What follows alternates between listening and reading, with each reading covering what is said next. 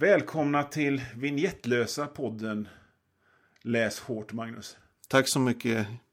Det är, det, det är härligt att, att du, Johan, är här och hälsar mig välkommen. Känns Ja, bra. ja, jag, tycker det, alltså, jag tycker det här med att eh, vi är ju fan inte P4 liksom. Nej, herregud. Nej, Vem nej, har nej. liksom, känner du någon som kan göra en vignett bara sådär? Det finns Jag ju tycker, inte jag, tycker, jag tycker vi, vi ska inte vara så frivola och, och, och, och, och jamsiga. Att vi ska ha en mening. Att vi ska, möjligtvis en, en, en, en högfrekvent signal som håller på i fem sekunder. Eh, Och så, som, så, nu har det börjat. Det kan jag tänka mig. Eller bara ett sånt där, eh, ett ljud från, eh, när, vad heter den, korpen flyger, ett sånt knivljud. Tjing! Ja, eller en, en, en fågel. Liksom. Som, Veckans pausfågel. Ja, precis. Läs hårt alltså. En podcast. Eh, det är ju så här att vi, vi får ju ofta frågor om vilka böcker vi läser i denna podcast. Och jag tänkte att vi skulle svara på det nu.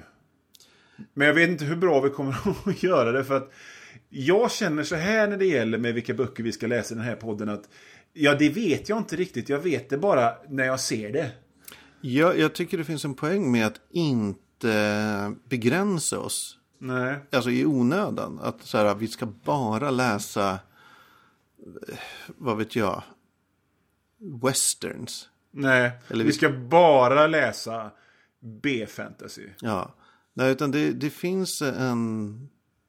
Jag tycker vi, vi ska vara öppna för, för det oväntade. Ja, för att många kan ju tro att, att vi, vi har, vi har liksom någon slags profil att vi ska läsa kalkonböcker, men så är det ju inte alls. Nej. Men, Även om det kommer att läsas en och annan kalkonbok så är det ju inte alls det som är poängen. Utan jag, alltså, om jag försöker... Jag har tänkt på det här lite grann idag. Jag tänker så här att det finns, det finns tre sorters människor som gillar att läsa. okej. Och dels, dels är det liksom litteratur. De som, du vet, smakar, alltså fin akademi, diktläsande och, och klassikerläsande litteraturmänniskor. Va? Dels har vi dem och dels, sen har vi, har vi de här deckarläsande äldre människorna. Måste de vara äldre? Nej, men jag, eller, nej, eller ja, i vår ålder. Jag, jag, jag, jag är så åld, jag tror jämt att jag är yngre än vad jag är. Tänker du de som, som eh, lånar tio deckare till sommarstugan och så läser de dem över, på semestern? Ja, precis. Eller, eller, som, eller som, som läser tre böcker i veckan, puff, men aldrig skulle kanske se sig som, som bokläsare egentligen. Eller Nej. se det som att de har det som intresse helt, eh, egentligen alls. Det är nog en ganska stor grupp tror jag. Ja, och jag, min fru är sån. Och liksom säger, jag har inga intressen, men, men snälla, du, du, läser ju, du läser ju alla nya deckare som kommer. Ja. Och så den tredje gruppen tänker jag är sådana som vi. Som har läst allt möjligt, men som, som jag menar, vi har läst våra eh, fortsättningsböcker på tv-serier som lagts ner. Det har hänt. Eh, man har ju läst eh, en del, vad kan man säga, böcker baserade på olika rollspelsvärldar. Mm. Tv-spelsvärldar. Oh ja. Jag tror jag läste en Halo-bok en gång. Jag har läst en Doom-bok. Det är Knee hardcore. Deep in the Dead, heter den. Bra titel. Väldigt bra. Det var en ganska tråkig bok. eh, för, för, det, det, det, Surprise. För det var verkligen så här. Jag gick omkring i ett eh, rymdskepp och gick och så öppnade jag en dörr och så sköt jag ner alla monster där och så... Det hände inte så mycket med den. En, en kul bok i den genren det var jag läste en Resident Evil-bok. Okej. Och då, jag vet inte om du har spelat de spelen, men, men åtminstone förr så var det ofta ganska konstiga, yxiga pussel i de spelen. att Just man skulle det. flytta olika saker och så skulle en nyckel dyka upp. Och det där fanns i själva bokens handling. Gud vad tråkigt. Ja, fruktansvärt tråkigt, men väldigt märkligt. Alltså något av de konstigaste böcker jag har läst är nog en... Det var första delen i en trilogi tror jag. Baserad på det gamla peka och klicka-spelet King's Quest. Och där var King's Quest-spelet går ut på att man hittar konstiga föremål och så ska man använda dem på oväntade sätt och lösa puzzles och ta sig förbi fiender och sådär. Och boken var också precis så. Alltså det handlade om typ en prins. Ja, så gick han runt och pratade med folk och så hittade han bara random saker på olika ställen som han tog med sig. Och sen Ja. så här, senare visade det sig att ja, men det här var ju viktigt att han skulle eh, använda på något sätt för att ta sig in i ett slott eller vad det nu kan vara. Det känns som folk som, som, som skriver de här böckerna, kanske inte skriver för att jag, jag, jag kan ana att de får direktiv ovanifrån. Ja. Men de som ger de direktiven ovan- ovanifrån inte riktigt fattar varför folk gillar grejer. Nej, men precis. De tror så här, ah, men de tänker varumärke. Vi måste, nu ska vi känna in på det här varumärket. Men så är det ett varumärke som är helt oförenligt med till exempel en bok. För ingen spelar Doom för den fantastiska storyn. Nej, det är verkligen inte. Eh, om, ja, för att återgå till lite vad, vad den här podden handlar om så skulle jag väl säga att om inte, om inte den röda tråden så i alla fall en röd tråd är ju att det är böcker som har lite låg status. Ja, Som andra, andra inte pratar om. precis. Kanske Exakt. där vi har, det är det som är nyckeln på något sätt. Ja, jo, men det är nog nyckeln. Och så, och så naturligtvis lite genre kanske. Ja. Lite sådär. Alltså man gillar ju det man gillar. Ja. Och ni är välkomna på våran resa. Ja, det är alla härliga lyssnare. Vi har ju kanske eh, Facebooks mest gillade eh, sida just nu. Mm, jag tror det. Mycket kändisar och grejer det som, som klickar och det blir ju riktigt eh, roligt. Ah, ja, det är, Folk som bor i Stockholm och grejer. ja, ja, du vet, det här är ju ja. det är fantastiskt. Ja. Så mycket skvallerpotential. Har du, Magnus? Ja, fan vad härligt. Eh, Du, vi brukar ju börja lite så här eh, med att bara höra om man läst något skoj på sistone. Har du läst något skoj på sistone? Jag har läst något skoj på sistone. Jag har åkt mycket tåg på sistone så att jag har läst jättemycket. Eh, faktiskt. Mycket westerns. Det är min comfort food när det gäller böcker.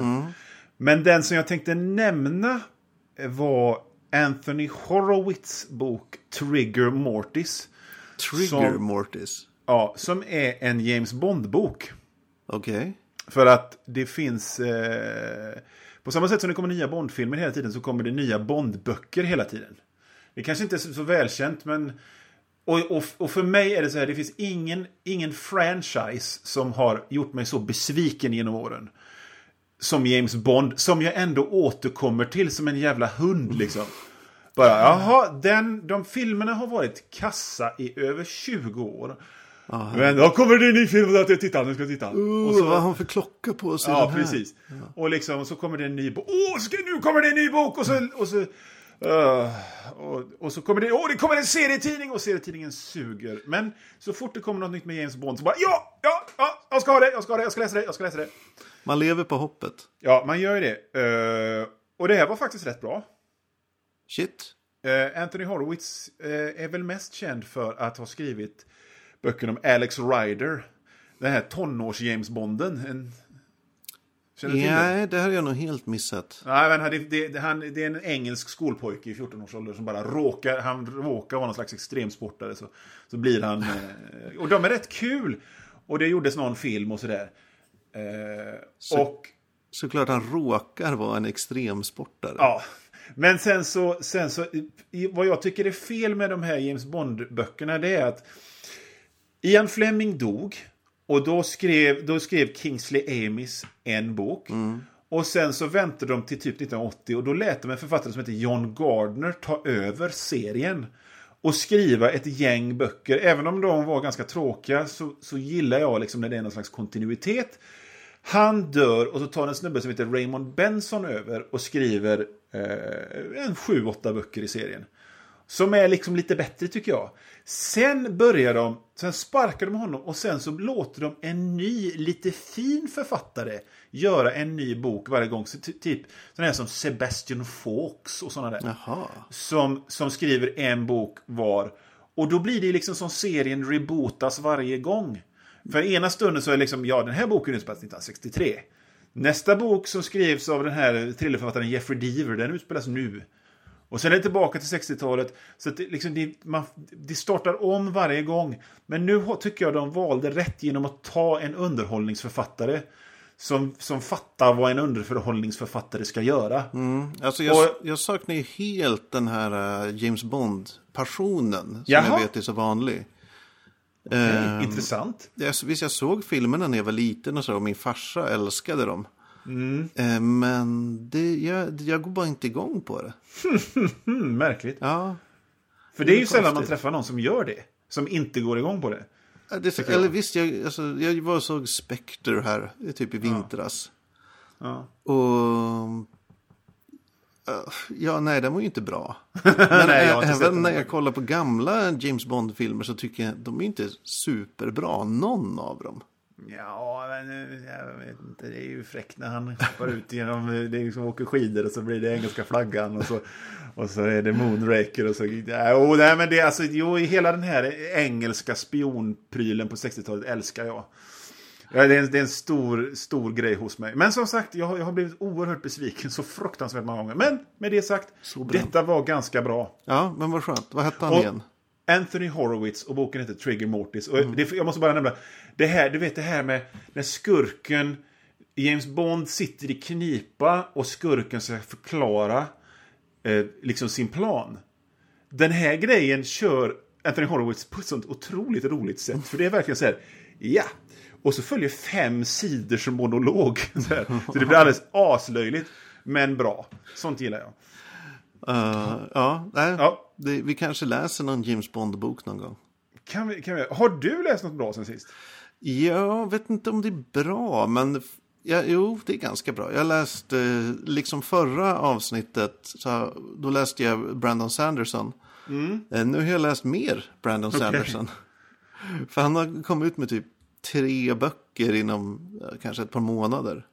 Det, det är faktiskt ganska ovanligt. Ja, det är faktiskt det. Och, men nu... Att, att åtminstone namnförfattare gör det. Att, att, att anonyma Harlequin-snubbar gör det. Eller tanter gör det. Det är ju en sak. Precis, de bara pumpar Namn gör det. Det är inte vanligt alls. eh, han, det, det är väldigt... eh, jag fattar inte, jag är bara rädd att han ska gå in i väggen.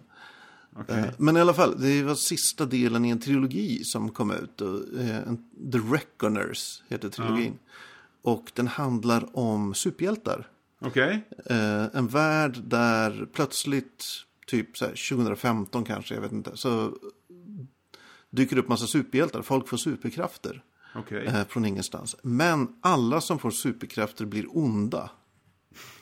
Okej. Eh, så den här boktrilogin handlar om hur vanliga människor försöker bekämpa de här supermäktiga superhjältarna. Detta låter ju jätteintressant känner Ja. jag direkt. Första Detta vill jag... Vad För- heter den? ehm, The Reckoners heter trilogin. Första delen heter Steelheart. Okej. Och sen kom den, mittendelen hette Firefight. Och nu den sista som kom precis heter Calamity.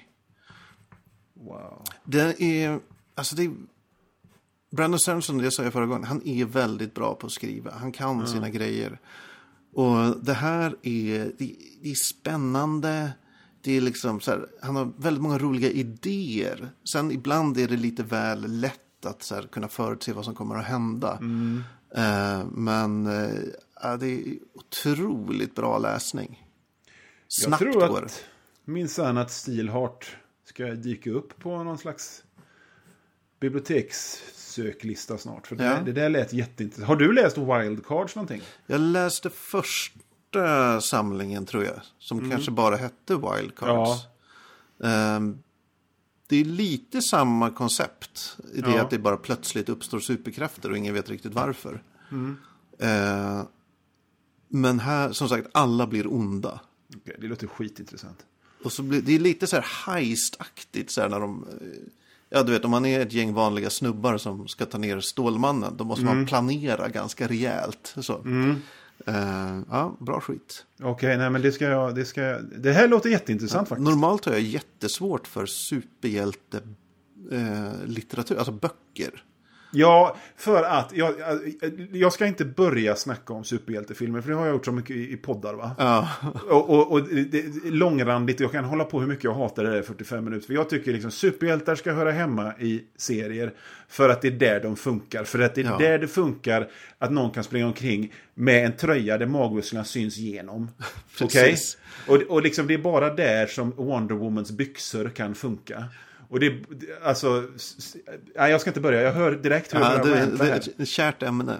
Ja, nej, men, men alltså att jag tog upp wildcards det är för att jag, jag läste också det här var ju på den tiden som man inte allt, allt fanns inte. Så att jag läste de första tre och sen så kunde inte jag få, ta, få tag i de andra böckerna. Nej. För att eh, min eh, bokhandel tog inte in dem helt enkelt.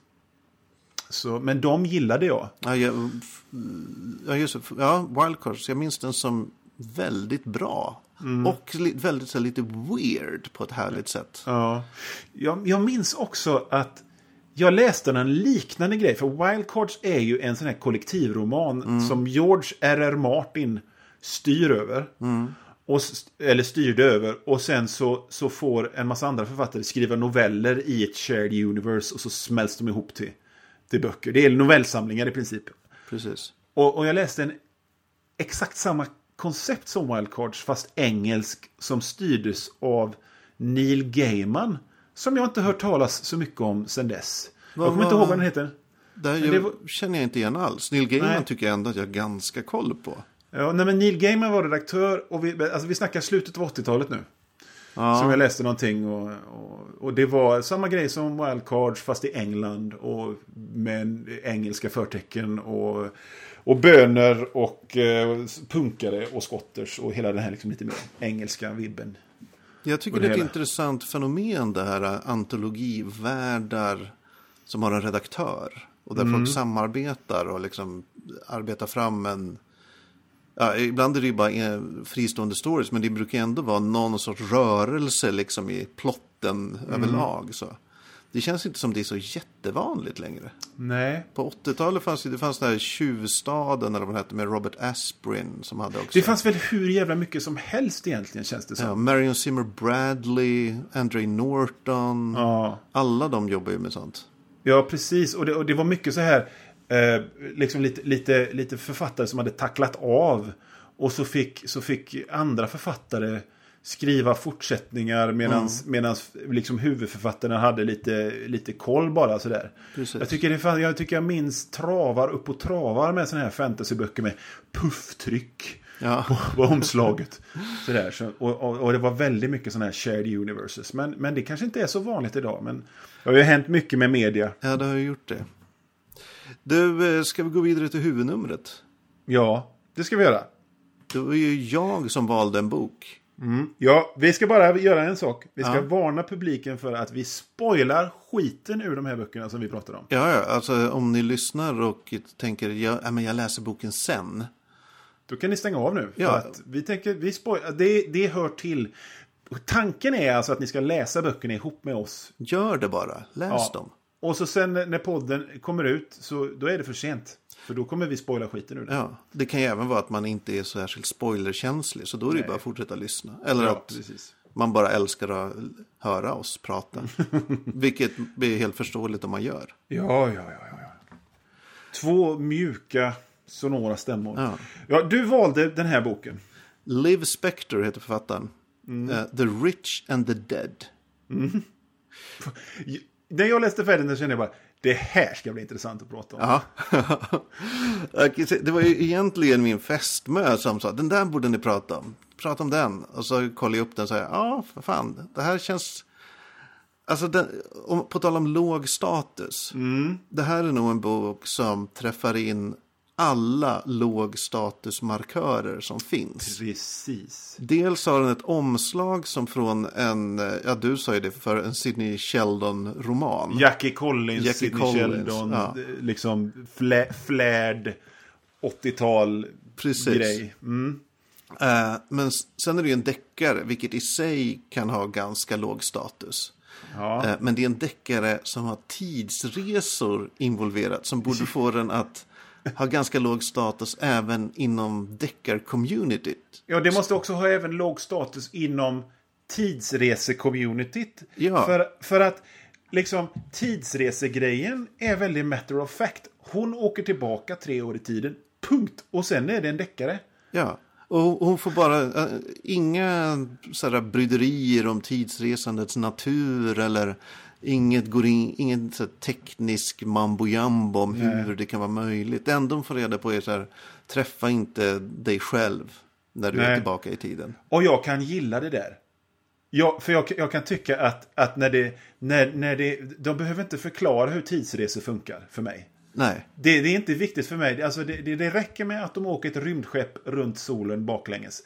Så har de rest i tiden. Fine. ja, så var det. Och här var det en, maskin, typ ett rum hon gick Ett in i. rum som var inklätt i någon slags folie. och så, så åkt, och så, så tidsresa. Puff, det räcker. Det går bra. Ja, snabbt var men, men det jag tänkte var, eh, okej, superlåg status.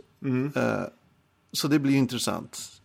Men det första som jag reagerade på när jag läste den, eller kanske, vad reagerade du på först? Vi kanske ska börja där eftersom du är så att säga min gäst i den här Eh, boken. Jag tyckte att, alltså det som slog mig den första, eh, när vi läste den första boken, den här Kelly Gay, så kände jag början bara, åh, det här kommer bli en pers. Ja, Den här gången så kände jag jättegripande. ja, Alltså på ett, på ett bra sätt. Alltså underhållande och kul helt enkelt. Den sög in mig från första stund. Sen blev det efter ett tag så märkte jag att mm, lite torftigt skriven. Lite som att det är ett avstånd mellan författarens hjärna, vad för, författaren vill och texten som blir. Men ändå medryckande. Jag, jag, jag hade ju känslan av hela tiden att allt var lite plastigt. Alltså att det var en värld befolkad av typ Barbie-dockor. Så här, att man kände inte att karaktärerna var riktigt levande. Nej. Utan att de var liksom karaktärer. Eh, Alltså om man, om man, läs, om man har läst en del Harlequin-böcker så är de så här. Alltså, alltså programmerade till läsare som, som vill få någon slags eh, inblick i extremt rika människors vanor och att de är lite pajade. Och, och de är rika men de är inte lyckliga och de är dekadenta. Köper du eh, eh Liv Spectors skildring av den rika, eh, när var det, no, tiotals Miami jetset-crowden, alltså 2010-tal då. För det är ju en intressant grej. Det handlar om tidsresor, men de reser tillbaka i tiden fyra år. Och alltså bokens verklighet är ju 2018. Just Bör det, påpekas. Ja. Så de reser till nutiden Ja. för oss. Precis. Boken kom ju ut 2014 tror jag till och med. Så Ja. den, den re, de reste till bokens publiceringsår. Så vi, vi, vi, ska ta det här med att, att jag, om jag köper. Alltså, ja. Men man har ju läst en och annan bok om folk som är, liksom spelar golf och sniffar kokain och är tomma och jätterika och elaka. Ja. Men det är ju kanske liksom den populära sinnebilden av det. Den, den, den populärkulturella, ganska enkla bilden av det. Ja. Men, men jag, jag köpte det väl, alltså jag accepterade det. Så jag satt inte bara, ja så här var det väl inte. Men, men jag tyckte, liksom, ah, okej. Ja, men, Nej, men det är lite, hon, hon bara kör en schablon av hur eh, jetset-folk lever. Lite Ja. så. Som man känner igen och därför är det väldigt lätt att köpa den. Och så här. Ja, men det är ju klart eh, den här supersnygga, superrika ändå är ju olycklig och Mm. ja, det är det. Så. ja, precis. Men jag kan ju tycka, alltså, jag, jag, jag kan tänka mig att sånt här eh, appellerar på samma sätt som, samma anledning som jag köper och läser tidningar om lyxjakter. alltså det gör du. Drömmer det Ibland. bort lite. Att jag kan tycka att det är liksom lite fräckt och bara låtsat att man är en sån som borde läsa en sån här tidning. Ja. Som handlar om, om den och den lyxjakten har precis blivit färdig som man kan ha. Det behöver bara ett crew på åtta personer och det finns en lös dinghy som man kan åka iväg. Där man åker i Karibien. Sådär. Det är nog lite den den grejen som, som författaren vill åt, som åtminstone som författaren vill sälja till tror jag. Ja, att man, man ska känna den här lite känslan av flärd. Så Mm. lite glammigt, lite... Och huvudpersonen är ju en polis som inte är flärd i- och glammig, men hon, hon blir utvald av, ja, det, det här som vi har kommit in på ganska många gånger, Ja. en rik excentrisk miljonär. Som, Var finns de? ja, precis. Kan inte Ge någon... en. Ja, ge mig en rik miljonär som, som du, serier. Ja. Det ska vi. Vi ska starta en daglig serietidning. Nej, men som, som, som är sån här working class som plötsligt får, ja, nu får jag, ska du åka tillbaka fyra år i tiden med hundra miljoner på fickan. Just det, för hon, hon får ju ett bankkonto som kanske också har rest i tiden då, jag vet inte. Eh, med helt, ja men typ obegränsat med stålar. Som bara, hon köper bilar och kläder och ett hus och vet, sådär, kör loss fullständigt. Det är verkligen någon sorts dröm. Jag kan tänka mig någon som drömmer sig om ekonomisk oberoende skulle Ekonomiskt oberoende porr. Ja, men, men verkligen.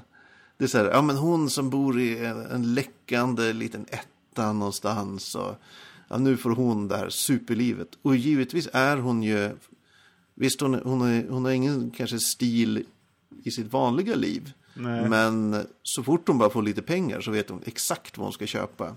Ja. Och naturligtvis är hon ju supersnygg. Ja, naturligtvis.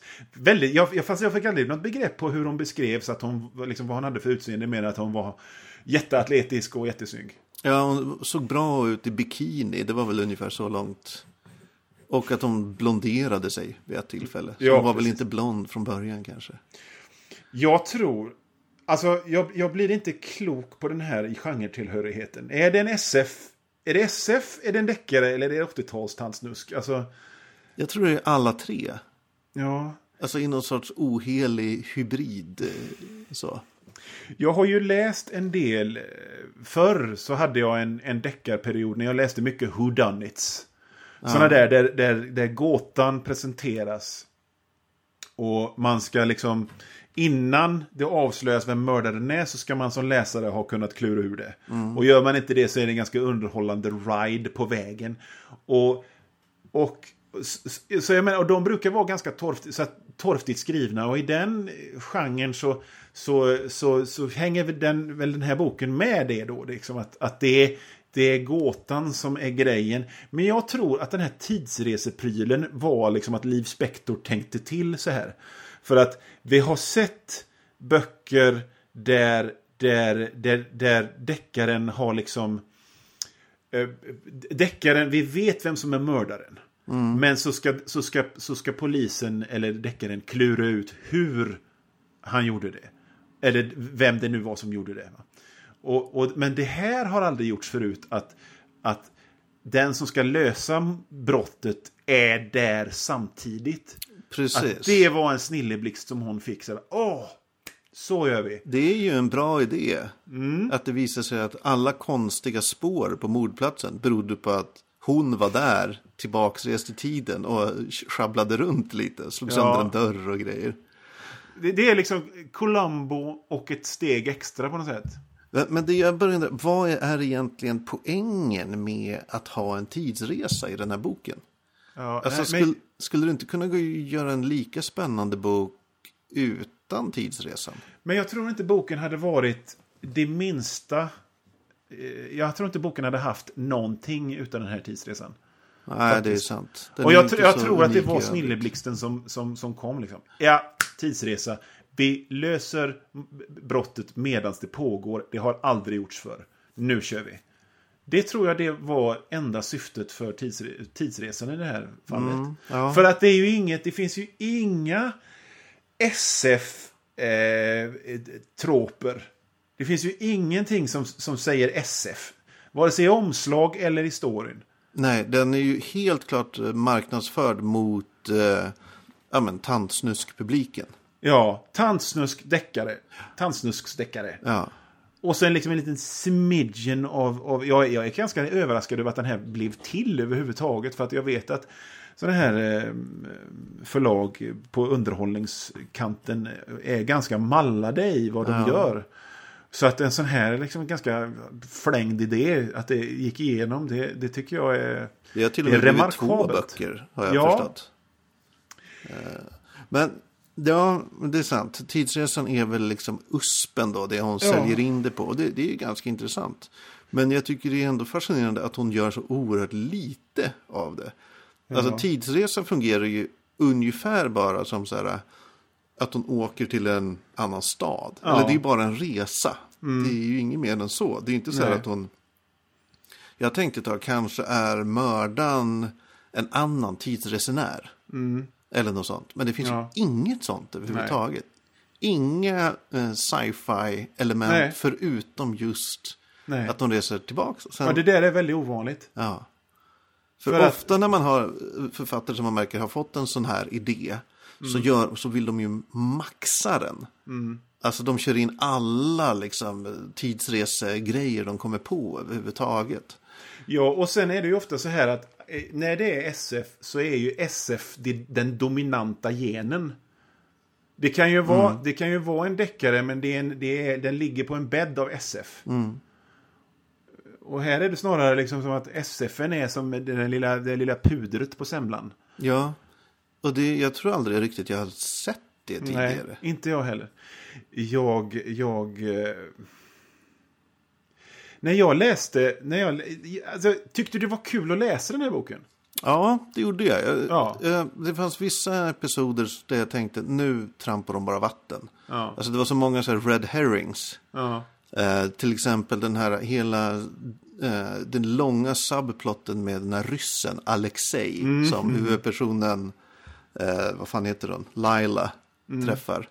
Som är en riktig burdus kille så här, som då kontrasterar mot den fantastiska Dylan eller vad det andra kärleksintresset hette. Ja, precis. Hon, det behöver ju säga att hon blir kär i en kille när hon reser tillbaka. Ja, Så det är ju liksom den lilla grejen. Men alltså jag, jag, jag gillar sånt där.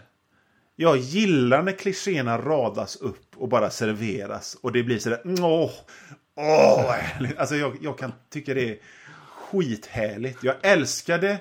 Jag kom att tänka på, när jag läste slutet, att det här är ju, det här är ju liksom Falcon Crest möter X-Men på 70-talet på något sätt. Jättegofigt och, och sådär. Och jag, jag, jag gillar det. Jag hade kul när jag läste den här boken. ja fan Och vad jag skoj. tror, jag tror nog faktiskt att jag, jag, jag kommer att läsa nästa bok också. The, the, the Wicked and the Beautiful, eller något Just sånt där det. heter den. Ja. Alltså jag skulle inte heller säga nej till att läsa den. Det är, jag undrar, alltså he, hela den här boken, liksom, anledningen till att hon åker tillbaka i tiden är ju det här brottet som hon misslyckas reda ut och som hon är lite besatt av. Och den här miljardären som är, eh, har ett personligt intresse av det här brottet också.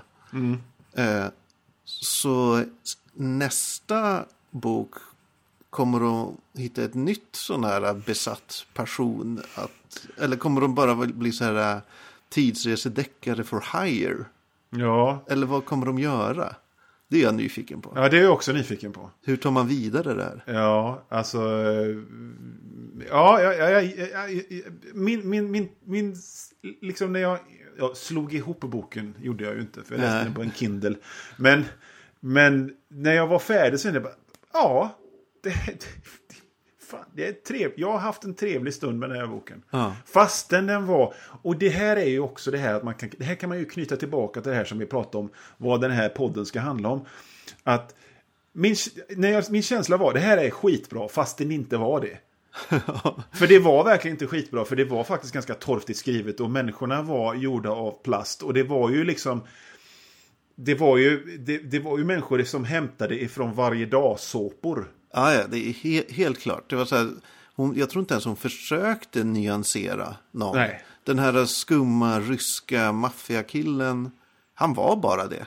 Jag tänkte Ja. så här, ja, men det kanske kommer fram att han är en fantastisk människa under ytan. Nej, Nej. Det är Utan- ingenting. Nej. Mm. Alla är precis vad de verkar vara.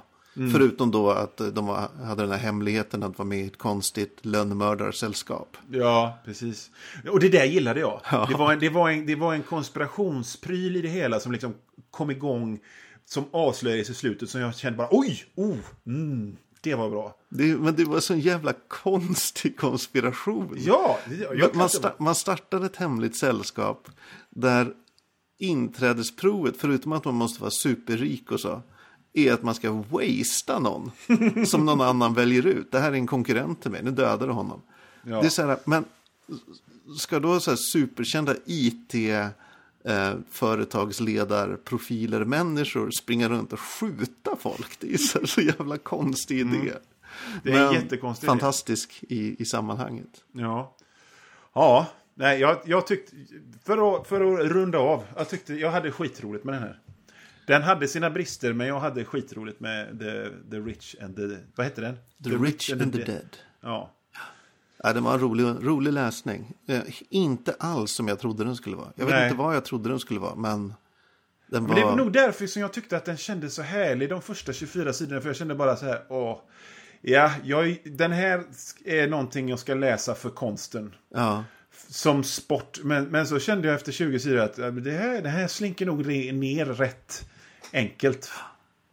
ja. Äh, det... Jag, jag, får, jag får tacka min fästmö att de Jag tänkte precis den. säga det. Hälsa henne att det var bra valt. Ja, det ska jag göra. Eh, Jag får tvinga vanligtvis- henne att läsa den. Eh, vanligtvis så brukar det funka så här i den här podden att eh, vi överraskar varandra med böcker. Eh, och så läser vi dem tills nästa gång och så pratar vi om dem. Och så är det, det är den andres tur att överraska med en bok och så pratar vi. Men inte den här gången. För Nej, den det här här är- gången så har vi fått en... Vi har fått, alltså jag har bokstavligen fått en bok om en lyssnare. Och jag har köpt den för en tia på bokbörsen.se. Ja.